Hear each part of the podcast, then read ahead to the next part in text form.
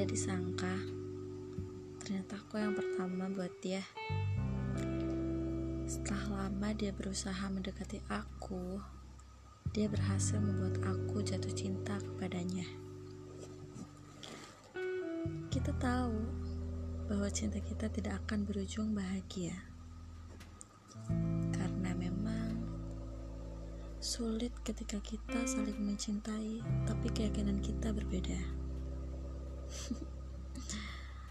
Aku senang dia berhasil membuat aku berusaha menerimanya. Lama waktu berjalan, dia paham cara memperlakukanku layaknya seorang wanita.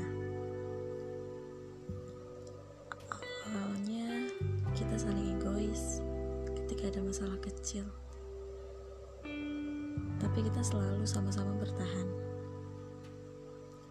Lama semakin lama, kita bisa memahami karakter satu sama lain. Sedih ketika harus memikirkan ke depannya bahwa kita harus berpisah dengan cara ini. Mungkin dia pun berpikir sama. Dua tahun lebih lamanya hubungan kita, akhirnya dia memutuskan untuk mengakhiri.